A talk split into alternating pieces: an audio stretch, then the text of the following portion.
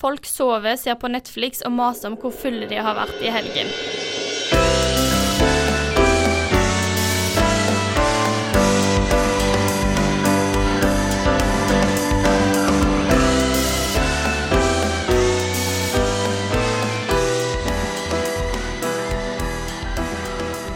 Og velkommen til en ny episode av Studcast, Studvest sin podkast om eh, hva som skjer i Studentbergen. Eh, Einar er ikke her i dag, men det er jeg, og det er du også, Aksel. Ja, det er jeg. Og så vil jeg bare nevne at jeg så eh, Einar på, i bakgrunnen på Dagsnytt 18 i dag.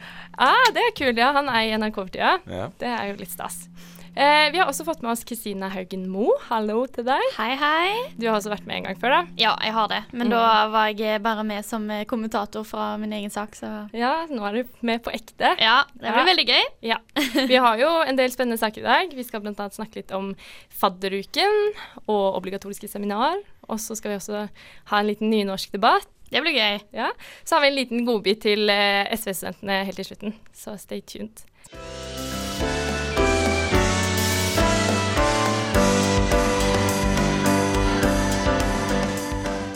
Ja, for nå er det jo snart sommerferie, og etter sommerferien så kommer det en ny fadderuke. Aksel, der kommer det jo noen endringer. Ja, eh, planleggingen av fadderuken 2019 den er i full gang, den. Men eh, nytt av året det er at fadderstyrene ved de fire store utdanningsinstitusjonene i Bergen, altså UiB, NHH, BI og HVL, de har gått sammen om noen felles kjøreregler, eller retningslinjer, da, som alle faddere skal følge.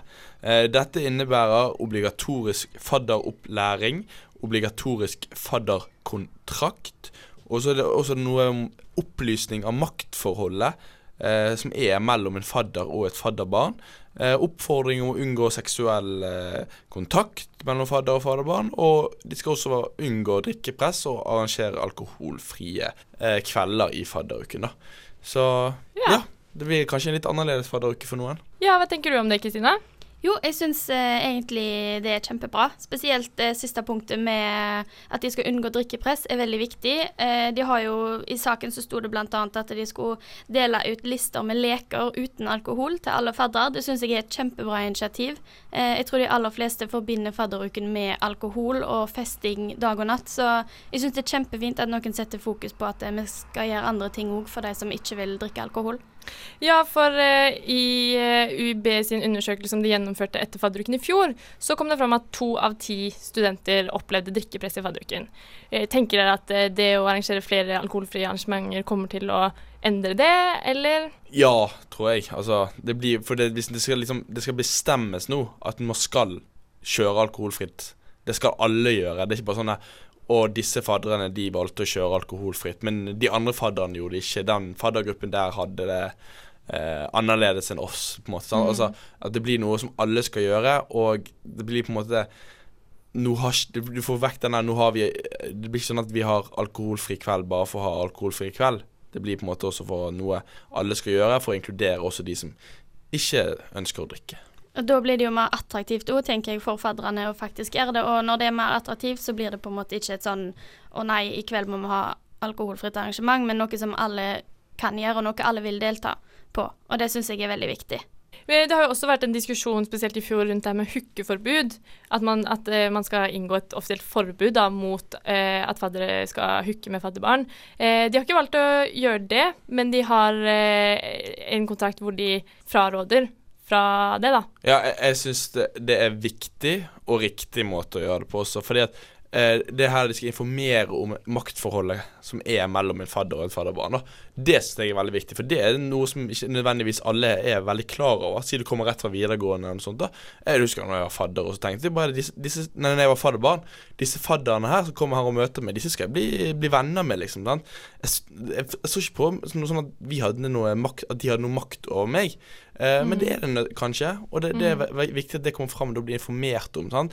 Og så på en annen måte så Det å ta forbud mot noe? Det, det er ganske drastisk, da. Det er jo Altså, mennesker må få lov å bli glad i hverandre òg, selv om det er, er, er ja. Så Du har skjønnet noe jeg mente. Mm. Eh, men hva med at de, de skal komme med eksempler på eh, leker man kan ha som ikke er drikkeleker, hvor man ikke inkluderer alkohol? Hva tenker dere om det? Syns dere at det er rett at man på en måte ikke skal ha drikkeleker? Jeg syns det bør gå an å Alt med måte, tenker jeg. Iallfall de to siste punktene. Både det med sexpress og det med alkohol. De henger jo ofte Mm. sammen. Og jeg tenker hvis det går, er mulighet for å ha alkoholnivået litt lavere enn hva det kanskje har vært de tidligere årene, så kan jo det òg bidra til at eh, maktforholdet blir litt mer utbedra, og at det ikke blir utnyttelse av det. Og det tror jeg er, er, kan være med å hjelpe. Eh, altså Jeg tror dette igjen er jo, er jo en reaksjon i kjølvannet av metoo som vi hadde i 2017 eh, og 2018. Og, men jeg har liksom alltid forbindet dette med fadderuke. Så har det ikke vært så veldig mye sånn seksuell trakassering og dette her med hooking og sånt. Det største problemet jeg har hørt om, er jo på en måte dette her med at folk ikke blir inkludert, og folk opplever drikkepress. Det er jo det, er det jeg tror er det viktigste med, det, med dette tiltaket, da, og det, å unngå akkurat det. Ja, fordi det, kan jo, det er jo litt trist at uh, nye studenter sitt første møte med universitetet eller høyskolen skal være en kjempestor fest. Masse alkohol. Ja, og fadderuken skal jo være for alle, også de som Mm. ikke drikker. Sånn, så det må jo det må respekteres. Og man må inkludere alle. Og man ser jo også og dette med at utvekslingsstudenter sliter veldig med å bli Mm. inkludert i en norsk fadderuke. Det har jo vi diskutert tidligere i podkasten her òg. Ja. Eh, at ikke alle at det kan, si, Norsk drikkekultur er jo litt spesiell. Eh, kontra mange andre, f.eks. europeisk drikkekultur. Vi er kanskje litt mer full gass. Eh, ja, ja. det kan stemme. Jeg håper jo at, eh, det, at fokuset på det kan gjøre at de, folk endrer litt mer holdning på eh, alkoholfrie arrangement. For jeg husker iallfall når jeg var fadder, så var det veldig Nei, fadderbarn, så var det veldig mye fokus på det der. Ja, skal noen være med på det, det alkoholfrie arrangementet? Fordi vi gidder ikke, men hvis noen av dere skal, så må vi. Og jeg håper at dette kan endre at folk endrer holdning og er litt mer positive og åpne til å kjøre ting uten alkohol. Ja, eh, den fadderen eh, som eh, journalisten har snakket med i saken her, Mina Kristiansen, eh, hun sier jo at hun syns det er litt synd at man må ha en kontrakt for at folk skal vite hvordan de skal oppføre seg. Hva tenker dere rundt det? Ja, altså jeg, jeg tror jo flertallet vet hvordan de skal oppføre seg, men dette er jo også noe for å sende et signal, Mm. tenker jeg også, sant. Altså, denne kontrakten er en formalitet, men det er en formalitet som sender et veldig sterkt signal, og et viktig og riktig signal. Ja. Jeg tror vi setter en strek der, ja, og så går vi videre til å snakke litt om obligatoriske seminar.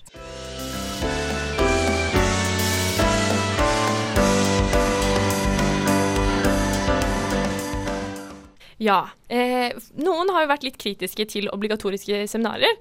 Eh, kan ikke du fortelle litt om hva den saken går ut på, Kristine? Jo, det er en eh, 43 år gammel student og pappa som eh, er veldig misfornøyd med de obligatoriske seminarene som blir gitt ved UiB. Eh, han mener at det er familiefiendtlig, eh, og da spesielt med tanke på at han har syke unger og ikke klarer å gå på seminar som f.eks. går andre dager i veka. Og spesielt eh, at når han først kommer på seminar, så trekker han òg fram at det er dårlig kvalitet på seminarene. Han har et veldig fint sitat på det. Folk sover, ser på Netflix og maser om hvor fulle de har vært i helgen.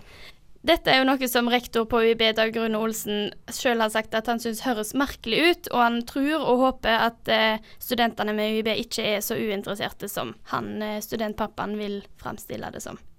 Ja, Aksel, hva sier du til det her? Pleier du å sove på seminar? Nei, eh, det første vil jeg bare si at hvis jeg skal sette meg i hans, i, han, som har vært i denne saken sin posisjon, så vil jeg forst- forstår jeg det veldig godt hvis han har en veldig krevende hverdag, der han må liksom veie ting opp og ned og ta valg, og så må han på disse obligatoriske seminarene komme der og få ingenting ut av det. Da er det nok veldig frustrerende å tenke på at alt det andre han kanskje heller skulle ha gjort da, for å få hverdagen til å gå rundt. Eh, og så vil jeg bare si en ting om, om sånne seminarer. da. Eh, Jeg vil jo også si sånn, Det som Dag Rune Olsen sier, at han ikke tror eller håper at eh, flertallet av studentene ved UiB er sånn som dette. Og det, det tror jeg også. Jeg tror ikke flesteparten av det. Jeg tror de fleste seminarene ved UiB foregår på en veldig bra og faglig høy eh, måte. Men eh, de, de seminarene, hvis vi på en måte sier at dette er situasjonen på seminarene, da. Eh, hvem sin feil er det? Er det studenter som er late og uinteresserte, eller er det rett og slett for dårlige seminarledere og kjedelige seminar? Jeg tror egentlig det er litt begge deler. Studenter har eh, ansvar for egen læring. Det er veldig viktig. Eh, og det er ikke alle som faktisk tar det ansvaret som de bør gjøre. Og det er jo veldig dumt hvis det skal ødelegge for andre folk som er på seminar. Men jeg tror òg at det finnes seminarledere der ute som har forbedringspotensial når det kommer til hvordan de skal lede seminaret. Han eh, her studentpappaen Eh, han eh, sier jo det at studenter må være voksne nok til å ta ansvar for egen læring. Derfor er han litt sånn imot obligatoriske seminarer. Hva tenker dere? Burde seminarer være obligatoriske, eller burde det være valgfritt? Altså, slik seminarene er bygget opp, så er det veldig Får man veldig dårlig utbytte av det dersom man ikke alle som møter opp på seminaret, er forberedt er, et seminar er jo for at man skal utveksle erfaringer, man skal lære av hverandre, og man skal diskutere faget. Også under uh, oppsyn av en mer autoritet på, på feltet, da. Uh, og det funker ikke hvis ikke alle er med 100 Eh, jeg husker jo f.eks. de første seminarene man hadde på UiB, man hadde X-Fac og X-Fil og sånt. Da eh, var det veldig mye Netflix og eh, Facebook og sånn som gikk igjen. Men det er litt at veldig mange kommer liksom rett fra videregående, der kanskje det er litt mer vanlig, da. Og, og, men det er jo også derfor man har de første, første fagene der for å komme inn i, i, i, i høyere utdanning, da, hvordan det fungerer. Eh, og det merker jo også man på seminarene etter hvert som man går gjennom uh, utdanningsløpet sitt. Det blir mer og mer seriøse seminarer. Folk blir mer og mer seriøse. Folk lærer seg etter hvert å ta ansvar for egen læring. Men burde man ikke få lov til å velge selv? Hvis du, det, hvis du ikke det, lærer det, godt av å sitte og jobbe i gruppe, hvis du lærer best av å lese selv? Ja, det er litt vanskelig akkurat den der, fordi at Hva tenker du, Kristina? Jo, altså Jeg tenker egentlig det er god. Vi er studenter, vi går på universitetet. Det er kun vi som står til ansvar for egen læring. Alt vi egentlig må gjøre, er å møte opp på eksamen. Og men på den andre sida igjen, jeg har hatt seminar som ikke er obligatoriske, og det er ganske lav kvalitet på dem, iallfall som jeg har erfart. Det er få som møter opp, eh, og da blir det jo dårligere læringsutbytte for oss andre. Så jeg stiller meg egentlig litt Litt på begge sider. Jeg syns at eh, obligatoriske seminar tror jeg kan heve læringskvaliteten, men på den andre sida så er det jo egentlig kun oss studenter som eh, har ansvar for det. Men hva med de som, sånn som denne studentpappaen, da, som har barn som gjerne ikke har mulighet til å møte opp hele tiden? Burde det være obligatorisk for dem også? Jeg synes det burde være lettere å få disposisjon. Mer mm. fleksibelt iallfall. Ja. ja. Mm. Eh, det, det, vi kan kanskje konkludere litt her med da, at eh, det bør kanskje være obligatorisk. Altså, og det er det jeg mener med i sted, altså at man underveis i utdanningsløpet så blir man flinkere, seminarene blir bedre. Men det burde være mulig å unngå det, Ok, Greit, det heter obligatorisk, men hvis man søker om disposisjon og har en god grunn til det, f.eks. i dette tilfellet, så, så, kan man unngå eller prøve å finne en ordning på det. da. Rett og slett bli mer fleksibel.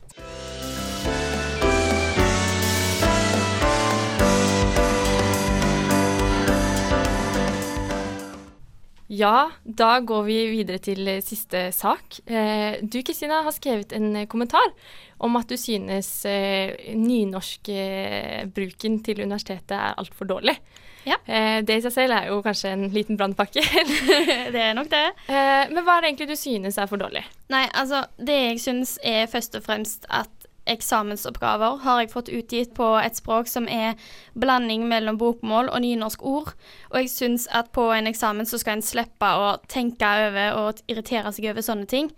I tillegg så øh, opplever jeg, i alle fall på mitt studie, at jeg ikke får tilbud om å få øh, øvingsoppgaver, gamle eksamensoppgaver, øh, seminar, løsningsforslag osv.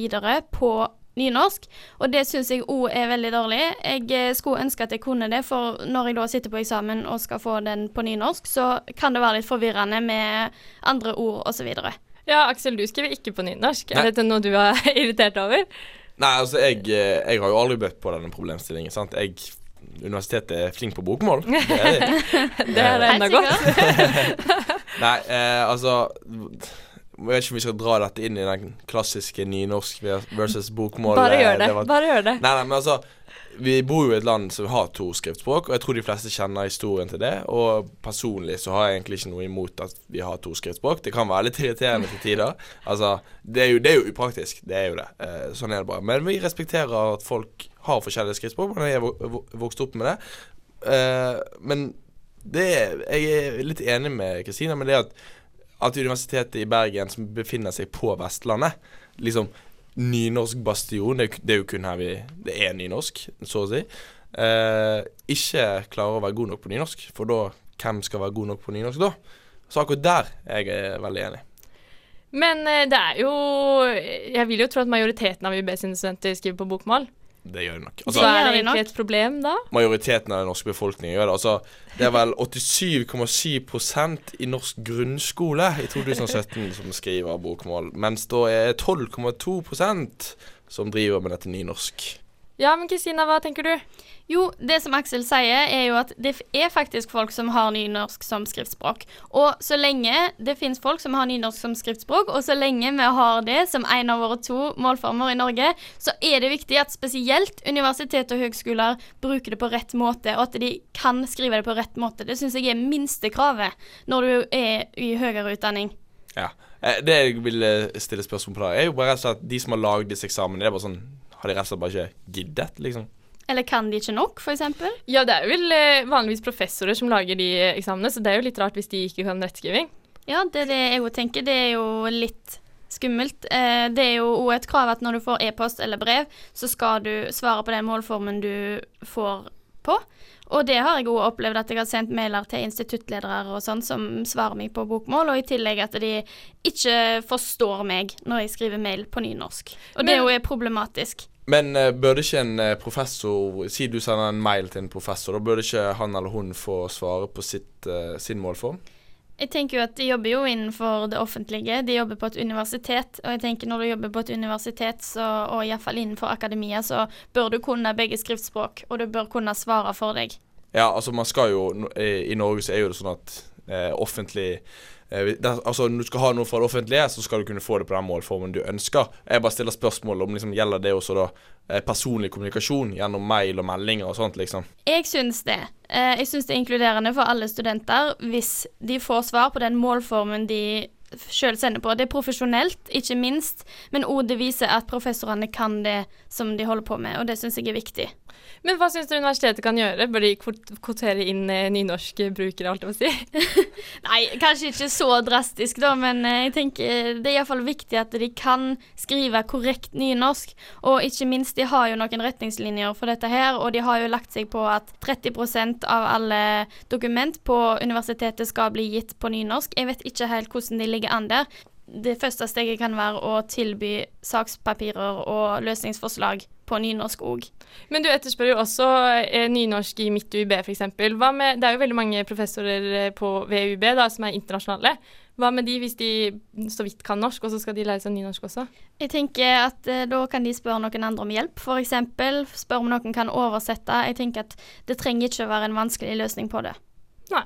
Vil ikke det gå utover eh, dyrebar tid som kunne vært brukt på verdensreddende forskning? Hva sier du til det? Tja, det, det er ikke sikkert. det, vi, vi finner ut av det. Ja. Vi konkluderer med at nynorsk er viktig fortsatt Ja, i det er det. 2019. Ja, så Jeg er enig med Kristina på det at så lenge vi har eh, mennesker i Norge som snakker Nei, som skriver på, bok, nei, på nynorsk og bokmål og alle andre språk, så skal alle de språkene brukes. Og også av det offentlige. Det er veldig viktig. Alle skal med. Ja. Jeg tror vi går videre til den faste spalten vår, verdt å nevne. Hei.